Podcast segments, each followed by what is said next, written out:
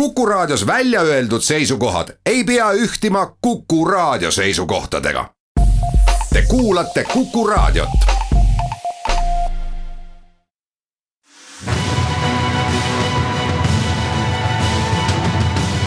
kaks ühes. tere, head sõbrad algamas on saade Kaks ühes, mis on eetris alati teisipäeval Kuku raadios kella ühest kaheni. saadet juhib nagu ikka Vilja Kiisler, kellel on kaasas kaks tarka pead.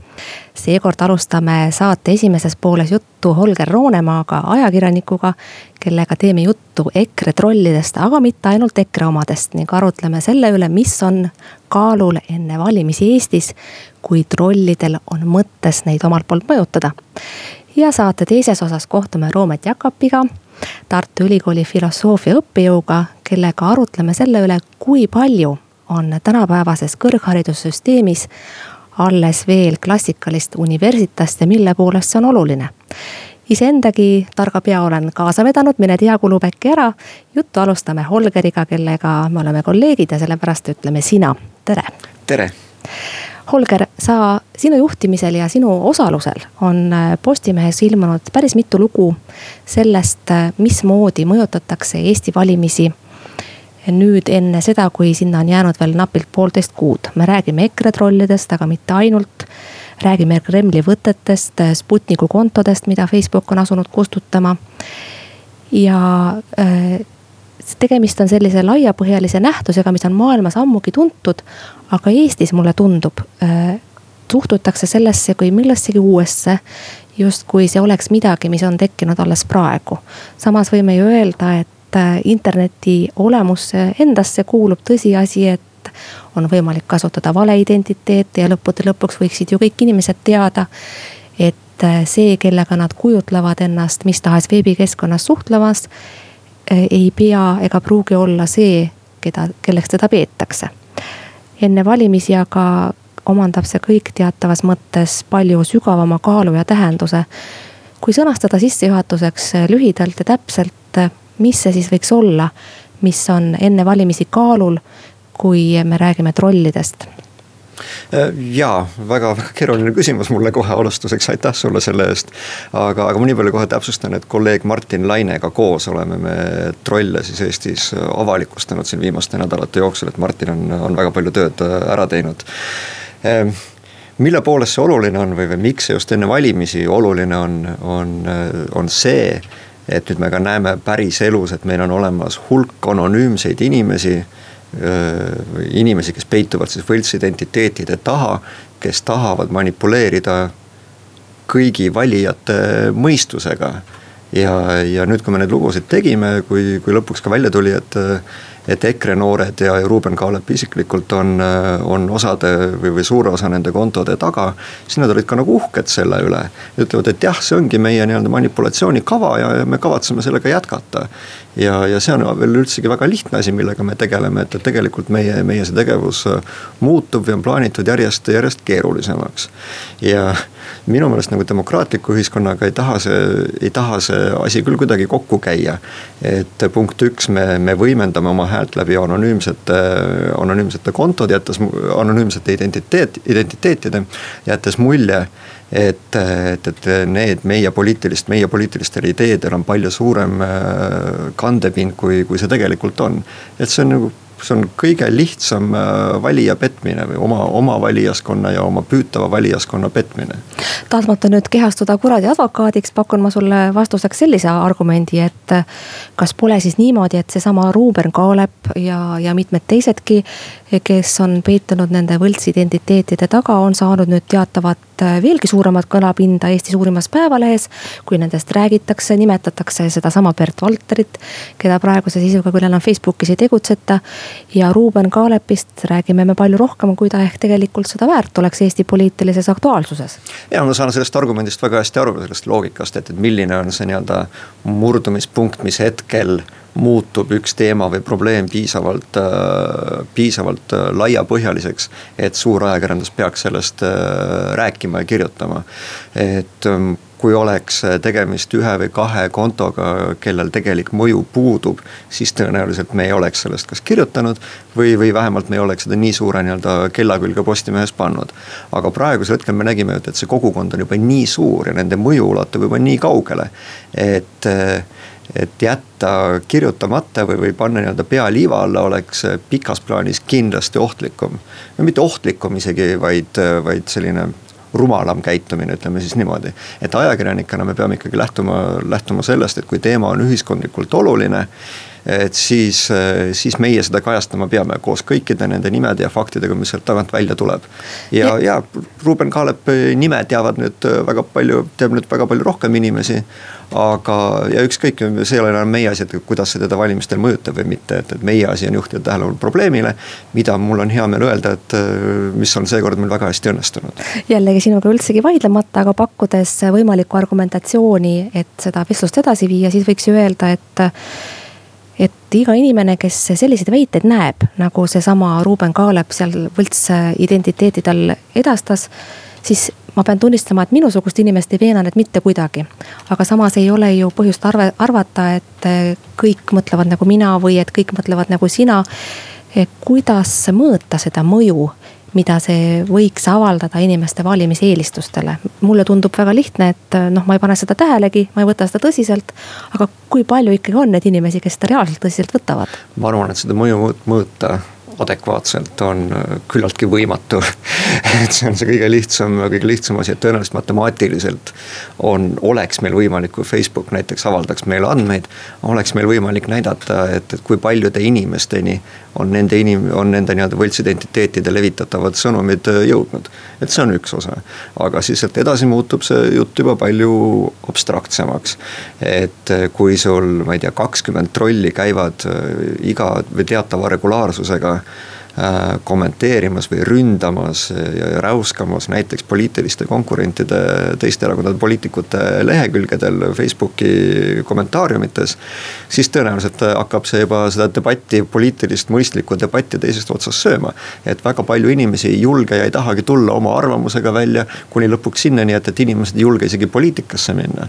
Äh, ja ei, ei julge valimistel osaleda ja seda on, jah, seda mõju lihtsalt ma ei kujuta ette, et keegi oskaks mõõta. Mis on tegelikult samas ka väga tõsine argument, sest Facebookis märkame järjest enam, et äh, väga mõ palju mõistlikum on väga paljudest aruteludest üldse kõrvale jääda. sest mõistlikku argumenteerimist seal lihtsalt ei toimu.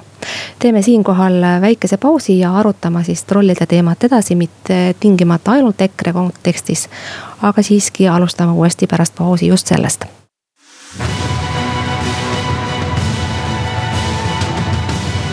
kaks ühes kaks ühes läheb edasi sealt, kus ta pooleli jäi, ehk me räägime Holger Roonemaaga trollidest. jõudsime saate esimeses pooles arutleda selle üle, miks on see halb, kui internetis ja erinevates sotsiaalmeediakeskkondades avaldatakse arvamust eri identiteetide, võltsidentiteetide alt jõudsime rääkida ka Ruuben Kaalepi rollist, EKRE noortekogu esimehe mm, rollist selles ja tema võltsidentiteedist Bert Valteri nime all mis nagu ma aru saan, tänaseks on juba lõppenud suuresti tänu Postimehe ajakirjanike algatusele. aga kuna seda Bert Valterit enam Facebookis ei eksisteeri, siis ma eeldan, et see postitus, mida ma nüüd järgmiseks Holgeri ja kuulajate meele heaks tsiteerin on eeldatavasti siis viimane selle identiteedi alt kirjutatud arvamusavaldus ja see kõlab nii. kulla kallis Martin Laine kirjutab tänases Postimehes, et Bert Valter on surnud, no ei ole.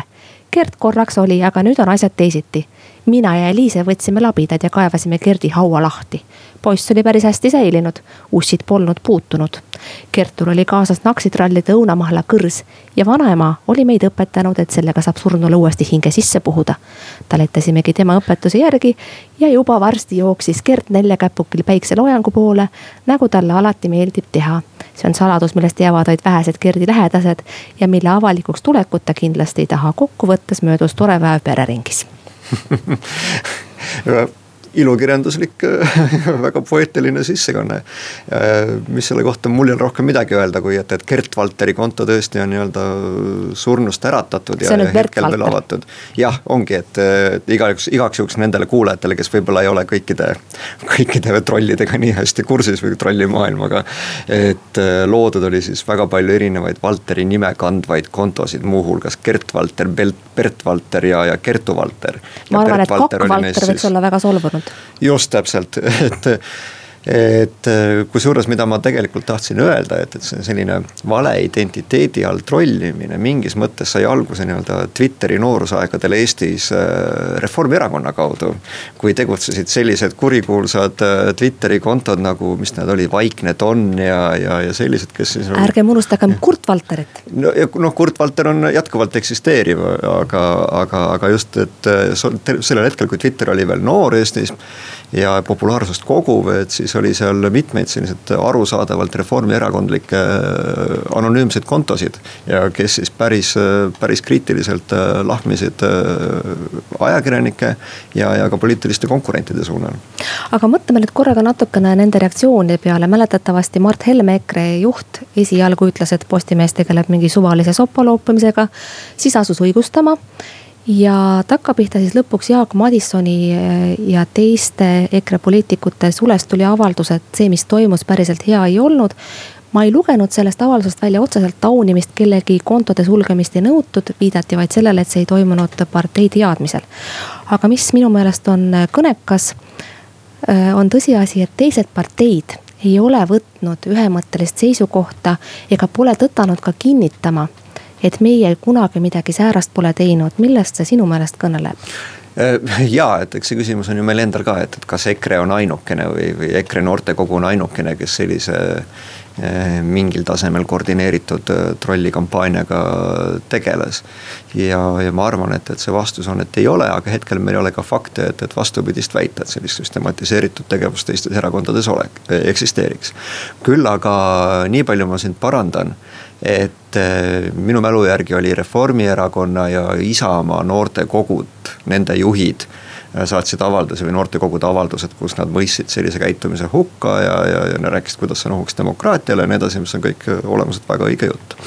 aga see Jaak Madissoni selline poole suuga vabandamine või, või, või ütlus, et, et see toimus meie erakonna teadmiseta ja heakskiiduta ja nii edaspidi ei käituta, on eh, tegelikult äh, pretsedentlik juhtum, et äh, EKRE, äh, EKRE tipp-poliitik tuleb ja ei ründa ajakirjandust vastu, nagu Mart Helme tegi päev varem.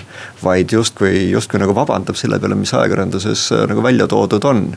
ja ma arvan, et mis selle taga on, on, on see põhjus, et äkki EKRE nii-öelda tippjuhtkond või see ajutrust sai aru, et, et kui nad avalikult kiidavad heaks sellise Äh, anonüümse manipuleerimise oma valijaskonna ja, ja võimaliku valijaskonna ajudega, öeldes, et, et me tahamegi teid ära lollitada. et siis need võivad olla need raamid mis siis nüüd esimest korda paneb mi, vähemalt mingi osa EKRE valijaskonnast äh, mõtlema kriitiliselt äh, selle erakonna peale, mis võib-olla paneb nii-öelda, muudab nad skeptilisemaks.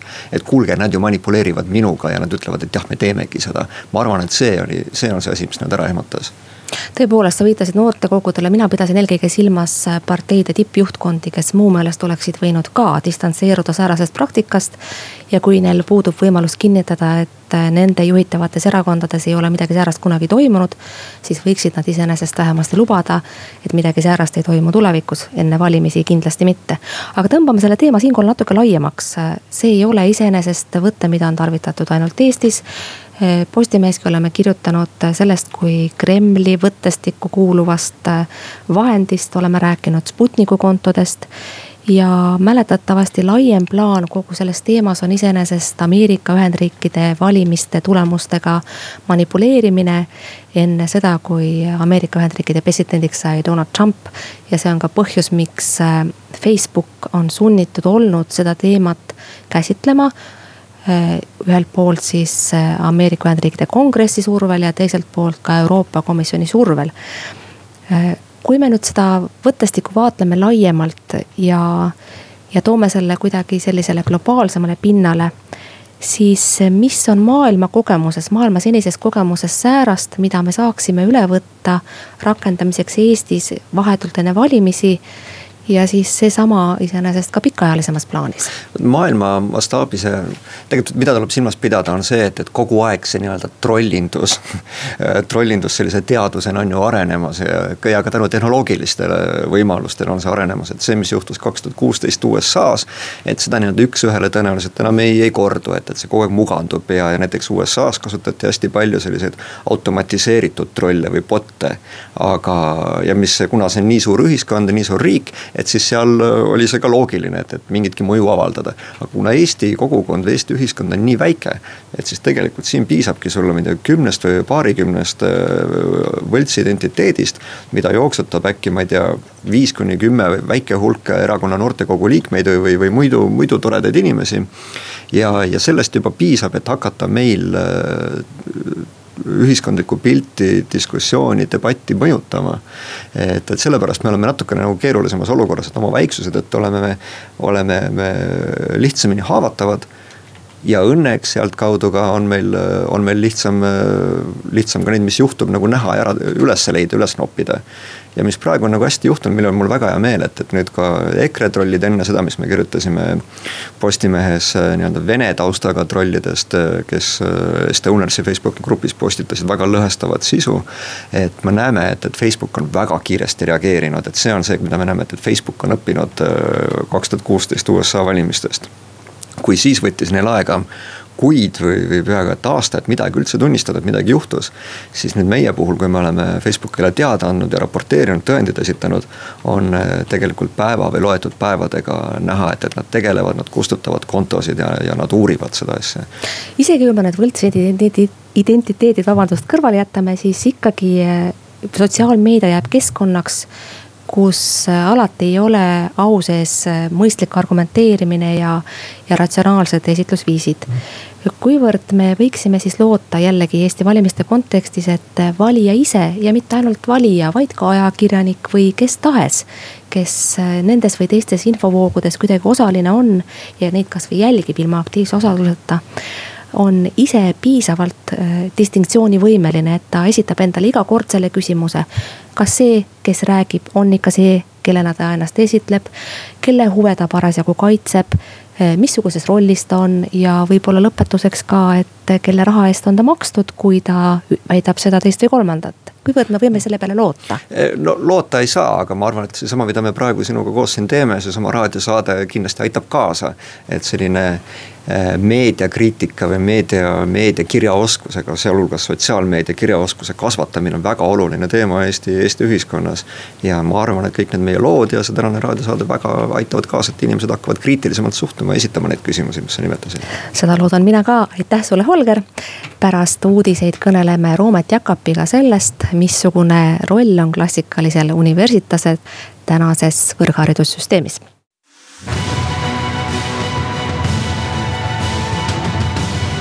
kaks ühes. kallid sõbrad, kaks ühes läheb siitkohalt edasi, aga üldsegi mitte sealt, kus ta enne pooleli jäi. vaid hoopis mujalt stuudios on Roomet Jakapi, Tartu Ülikooli filosoofia õppejõud, tere tulemast. tervist sinad ja teed on selles saates alati olnud nii, nagu nad on ka päriselus ja kuna me Roometiga oleme käinud ühel ajal ülis, ülikoolis ja tunneme teineteist juba varasemast, siis sinatame. Roomet, mulle tundub, et mina käisin ühes teises ülikoolis, kui on see, milles sa praegu õpetad. ja võiks ju ette kujutada, et äh, sajaaastaseks saanud Eestis on kõik väga palju paremini. kui ta oli selles servast nõukogude aega unust- äh,, ulatuvas ülikoolis, millesse mina kord astusin räägitakse universitase kontseptsiooni lõhkumisest, neoliberaalsest tagasipöördest mille all minu meelest, kui ma õigesti aru saan, peetakse silmas vist äh, kõrghariduse allutamist turu ja majandusloogikale. räägitakse, et kõrgharidus on muutunud kaubaks ja devalveerunud. põhimõtteliselt räägime me ülikooli haridusest suuresti mu meelest kolmes kontekstis, üks on tööturg mille vajadustele peaks justkui ülikooliharidus vastama, teine on raha kõrgharidust antakse maksumaksja rahast, kogu aeg muretsetakse, kas see on hästi kulutatud. ja kolmas aspekt, mis meedias silma torkab, on eesti keel ja mure sellepärast, et eestikeelne haridus on vähenemas, ingliskeelne on peale tungimas. me vaatame kõiki neid ühekaupa loodetavasti koos sinuga. aga kuidas sõnastada üldisemalt seda, mis praegu on Tartu Ülikoolis teoksil kõigis nendes viidatud aspektides üldistavamas mõttes? ma ütleks kõigepealt, et äh, ma arvan, et me võime rääkida äh, kõrgkoolidest üldisemalt, mitte ainult Tartu Ülikoolist. aga mis mulle sinu sissejuhatuse peale meenus, oli see kohe, et äh, meie ülikooli ajal, ehk siis üheksakümnendatel, millest me räägime sel puhul. minu mäletamist mööda oli küll niimoodi, et ei olnud erilist tähtsust, mida sa õppisid. sest et ühiskonnas laiemalt toimus nii palju Äh, improvisatsiooni, inimesed said äh, igasuguse haridusega igasugustele kohtadele tööle, ajasid igasugust äri. oli igasuguseid kummalisi võimalusi ja lihtsalt see ühiskond ei olnud nii paika loksunud, nagu ta praeguseks on. Mm, aga nüüd äh, ma ei oska öelda, kas me oleme liikunud kuhugi paremaks, paremasse või halvemasse suunda. aga mõned nähtused tulevad isegi tagasi. näiteks ma olen mitu aastat järjest intervjueerinud filosoofia tudengikandidaate. ja need on noored inimesed, kes minu mulje põhjal on väga hästi teadlikult sellest, et see eriala, mida nad õppima taha, tahavad hakata, ei luba neile raha ega kuulsust ega kindlat töökohta. Nad teavad ja nad tulevad ähm, sellepärast, et neil on peas küsimused millele nad vastuseid otsivad ja minu jaoks on see olnud äh, läbi nüüd viimaste aastate väga värskendav kogemus nende noorte inimestega rääkida. sest et äh, kõik need aastad ülikoolis töötades äh, selline värske küsimine, otsimine on mattunud igasuguse argijama alla. See kipub peaaegu meelest ära minema ülikoolis töötades miks kunagi selline eriala üldse valitud sai, sest nii palju toimub äh, kõike muud, äh, mis on kohati päris tüütu. No olgem ausad, filosoofia ei ole midagi sellist, mille ka tõesti saaks otseselt midagi peale hakata, ma viitasin sellele samale tööturule. ükski ettevõtja ei loo üheski ettevõttes mitte kunagi filosoofi töökohta. üheski organisatsioonis ega asutuses ei tööta filosoofid. selles mõttes on säärane küsimine ühiskondlik pragmaatilises mõttes, teatavas mõttes ilma väljundita. seda suurem rõõm on mul kuulda, et sa kohtud inimestega, kohtud noorte inimestega, kellel on küsimused, millele nad loodavad saada vastuse. Ülikoolist, see annab mulle kuidagi viite selle kohta, et küsimuste küsimise selline tahtmine või vajadus ei ole kadunud hoolimata sellest, et kõik need inimesed, kes kõrgharidussüsteemiga on seotud, minu mulje järgi ja ajakirjandusliku pildi järgi on suures osas rahulolematud nojah, asjal on ikkagi ka nende noorte inimeste jaoks äh, praktiline külg olemas, sest me ju ka alati räägime neile, et esiteks, et filosoofiat saab kombineerida teiste äh, aladega, mida saab koos sellega õppida ja spetsialiseeruda hiljem kasvõi sellele teisele alale. peale selle on tehtud muidugi küsitlusi, kus me oleme uurinud, kuidas meie lõpetajad tööturul hakkama saavad. Ja see pilt on palju parem, kui võiks äh, esialgu arvata. Nii et pole selle haridusel häda midagi väga palju kritiseeritakse praegu antavat kõrgharidust ka põhjusel, et äh, see on justkui devalveerunud või muutunud kaubaks äh, nagu konveieriks, et ülikooli diplomit saada on palju lihtsam kui varem ja üks selle põhjus on ka niinimetatud Bologna süsteem mäletatavasti äh, nõukogude ajal anti kõrgharidust viie aasta kaupa, paljudel erialadel ka kuue-seitsme aasta kaupa. praegu mõistetakse Bologna süsteemi all siis eelkõige kolm pluss kaks või neli pluss üks süsteemi.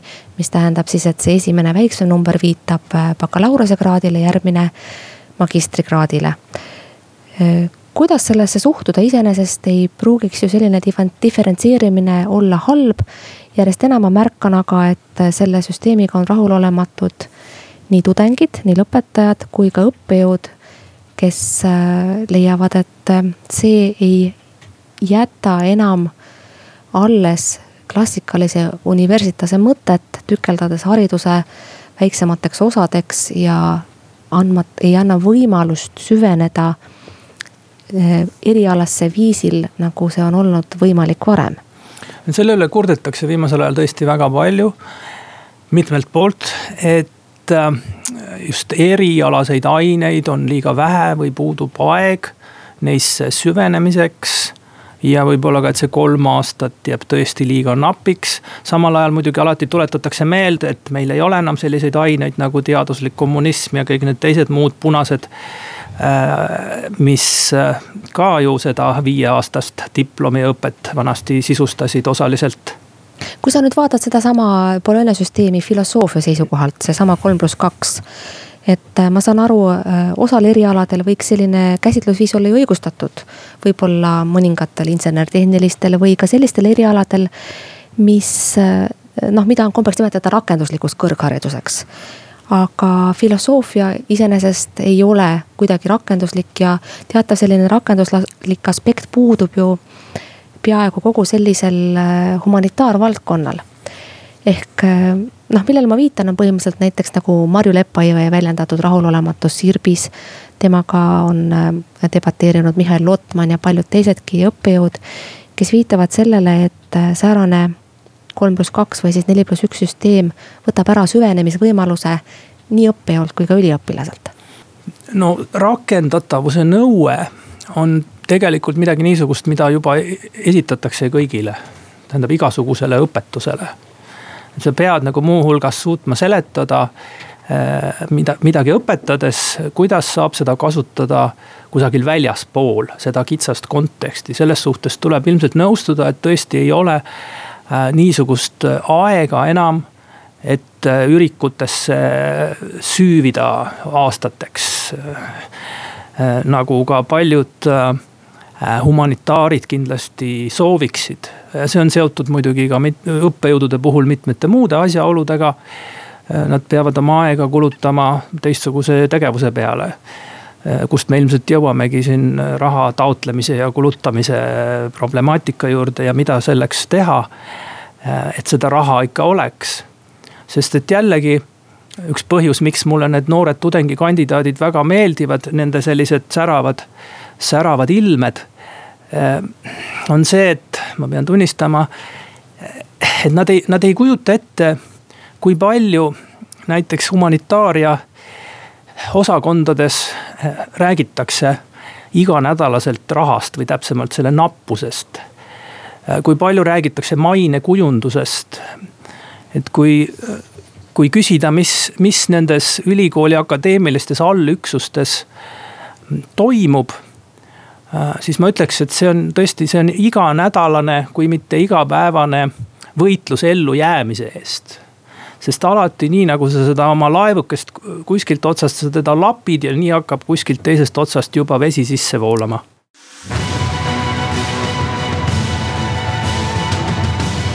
kaks ühes head sõbrad, saate kaks ühes viimane veerandtund on alanud ja me arutleme Roomet Jakapiga, filosoofia õppejõuga selle üle, kuidas on lugu ülikoolidega klassikalise universitase mõttes. ja me jõudsime enne pausi sinnamaale, et väga paljuski dikteerib seda, kuidas ülikoolidel läheb ja kuidas ülikoolides haridust antakse, rahast. Roomet sa jõudsid sõnastada, et raha peale mõeldakse väga palju ja õppejõud nagu sina peavad selle teemaga tegelema sama hästi kui iga päev kuidas see siis välja näeb ja miks on see nii kohutavalt oluline? see on oluline sellepärast, et äh, puudub stabiilne rahastus. ja see, mida ülikoolis õpetatakse, on loomulikult seotud sellega, mis teadust ülikoolis tehakse. ja see on omakorda seotud äh, teaduse rahastamise äh, probleemidega. ja nagu on hästi teada, mm, Eestis teadus on projektipõhine ilmselt suuremal määral, oluliselt suuremal määral, kui on normaalne. ja see olukord on muutunud peaaegu katastroofiliseks, sellepärast et äh, väga suur hulk väga häid projekte jääb rahapuudusel rahastamata. ja kui äh, võib-olla varasematel aastatel on olnud mõningad kiskumist siin humanitaaria poole pealt äh, ja vastandumist humanitaar ja, reaalteaduste vahel. siis nüüdseks on olukord jõudnud nii kaugele, et no raha ei ole enam kellegi jaoks. et riigil ei ole enam raha, et pidada ülal füüsikuid. ja on, on ühesõnaga olukord on väga halb ja see tähendab, et äh, noh, leiutatakse päästemeetmeid, selliseid abirahastusmeetmeid. et äh, ülikooli allüksused ikkagi vee peal püsiksid ja ei peaks kohe hakkama massiliselt inimesi vallandama. aga see olukord on päris õudne. Äh, või võib veel õudseks muutuda, sest projektid ju kõik lõpevad kunagi ära. ja praegusel ajal on siis üldine soovitus on selline, et küsige raha Euroopa Liidu programmidest, ühesõnaga välismaalt. meil seda raha ei ole eh, või ei ole piisavalt. Eh, ja see tekitab muidugi igasugu küsimusi, et eh, no esiteks mina hoiduksin kindlasti siin erinevate akadeemiliste valdkondade vastandamisest. et see on ikka täiesti üldine probleem. ma mõtlen küll, et, et kui me ei suuda enam füüsikat ka rahastada. et kes me siin siis, mida, mida, mida me siis üldse suudame või kes me üldse enam oleme? see on tegelikult küsimus, mis minul seda debatti vaadates ka alati tekib, sest mul on tunne, et et see, kes me oleme, võiks suuresti sündida see arusaamine ja see, need sõnastused võiksid sündida nende inimeste peas, kes nende asjade üle mõtlevad, füüsikud kahtlemata on ühed neist, filosoofid, igasugused eh, muude teadusharude esindajad on just need, kelle kaudu ja kelle tegevuse kaudu võiks see arusaam ühiskonnas tekkida. Eh, mis puutub rahastusse, siis mulle tundub, et see probleem on aastatega ainult süvenenud ja ma ei ole päris täpselt ka saanud aru, kelle poole peaks selle, selle teemaga nagu pöörduma. et kui me vaatame näiteks parteide programme, siis teaduse ja hariduse rahastamine on seal peaaegu kõikidel üks prioriteet, kes räägib ühest protsendist SKP-st, kes räägib kahest. noh, selle debati üks kiht on siis süüdistamine, Tartu Ülikooli süüdistamine ja teiste kõrgkoolide süüdistamine selles, et nad tegutsevad maksumaksja raha eest, justkui oleks see midagi väga halba. viidatakse sellele, et kui me ülikoolid erastaksime, siis toimuksid, toimiksid toimiksid nad oluliselt paremini. noh, ma arvan, et Tartu Ülikooli asutaja võiks pöörata hauas ringi selle mõtte peale. aga kas ta seda siiamaani teinud on, ma ei tea. kuivõrd sa ise süsteemi osaolijana äh, näed seda adressaati, kellele kogu see kriitika või rahastuse häda suunata? see on väga huvitav küsimus selles mõttes, et ühest küljest on jah selge, et äh, kriitika suunatakse ikka endast eemale. et äh, Eesti Teadusagentuur jagab seda raha, mida on, mida tal on täpselt nii vähe, kui ta riigilt äh, saab. Äh, ülikoolid, ülikoolide esindajad samuti süüdistavad poliitikuid selles, et nad kirjutavad küll kokku ilusaid retoorilisi programme, aga lihtsalt need prioriteedid, mida sa nimetasid, ei teostu. ja see rahastamine ei kasva, teaduse rahastamine ei kasva või vähemalt ei kasva äh, vähegi rahuldavas mahus aga siin on veel äh, huvitavaid aspekte minu meelest, et äh, meelest, et kui me hakkame üldse rääkima maksumaksja rahast ja nii-öelda ühiskondlikust tellimusest. et mida inimesed tahavad, et uuritaks, äh, mis neile korda läheb, siis tasub silmas pidada et teadus on küll väga jõuliselt ennast kehtestanud lääne ühiskonnas juba pika aja jooksul, aga sellel on ka mitmesuguseid alternatiive või teistsuguseid praktikaid ja tunnetusviise, maailma käsitlusviise. Äh, mis on kohati teadusest äh, märksa populaarsemad. ma pean silmas siin astroloogiat näiteks ähm, või seda, ma ei tea, kas te teate, raadiokuulajad, et Eestis tegutseb Eesti Nõidade Liit kas sa viitad kuidagi siis sellele, et nõiad, astroloogid ja muud soolapuhujad, antagu mulle andeks säärane sildistav nimetamine, on teataval viisil konkurendid, kui me räägime kõrghariduse jaoks antavast rahast? praegusel hetkel on see raha jagamine niimoodi organiseeritud, et otsest konkurentsi ei ole. aga ma selle koha peal tahaksin viidata ühele raamatule mis on välja antud aastal kaks tuhat viisteist. Helle Martinson on selle autor, isolatsioonist akadeemilisse kapitalismi Eesti Teadusfond tuhat üheksasada kaheksakümmend üheksa kuni kaks tuhat üksteist. see raamat kirjeldab värvikalt Eesti Teadusfondi ehk siis praeguse teadusagentuuri eelkäija loomist ja varaseid äh, aastaid. ja siin lehekülgedel kakskümmend, kakssada nelikümmend kaheksa kuni üheksa kirjeldatakse niisugust juhtumit mm.. tsiteerin, tuhande üheksasaja üheksakümne kolmandal aastal esitas üks aktsiaselts teadusfondile granditaotluse Kunda kummituse uurimiseks. Endel Lippmaa reaktsiooni sellele teadusfondi nõukogus oleks pidanud jäädvustama filmilindile. Need uurijad olid aga tõsi pühendunud. tsitaadi lõpp, siin on veel mitmeid viiteid autoriteetsetele Eesti teadlastele, kes ühel või teisel kombel seisid vastu Kunda kummituse uurimise projektile. aga tänu sellele, et see projekt rahastamist ei saanud, meil võib-olla jäi midagi olulist teadmata siiamaani Kunda kummituse kohta. nii et isegi kui, kui süsteem on riigis niimoodi korraldatud, et, et, et need teistsugused praktikad ja ja, ja tunnetusviisid on nii-öelda tõrjutud või marginaliseeritud, siis tegelik konkurents on olemas. ja ma tahan öelda seda, et kui peaks juhtuma, ma loodan, et ei juhtu, aga kui me peaksime hakkama mängima sellise mõttega et laseme nii-öelda teaduse täitsa vabaks või muudame selle, hakkame toetama ainult seda, mida nii-öelda äh, laiem publik soovib.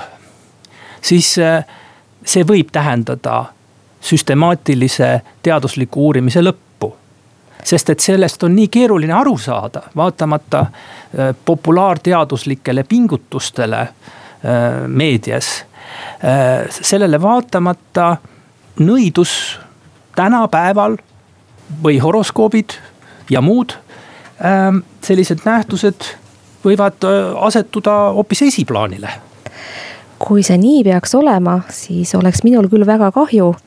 head sõbrad, ma arvan, et kui me oleme saate lõpetuseks jõudnud sinnamaale, et me peaksime panema vastamisi teineteisega kõrghariduse ja, ja Tartu Ülikooli ja teiste ülikoolide saatuse eh, ning selle, kuivõrd see raha võiks liikuda horoskoobindusse ja nõidade uurimisse, siis on meil mõtteainet rohkem kui küllaga saatele endale peame siinkohal kahjuks joone alla tõmbama.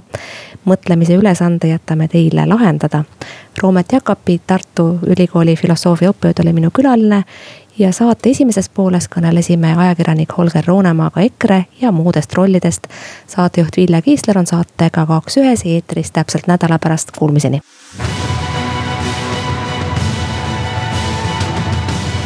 kaks ühes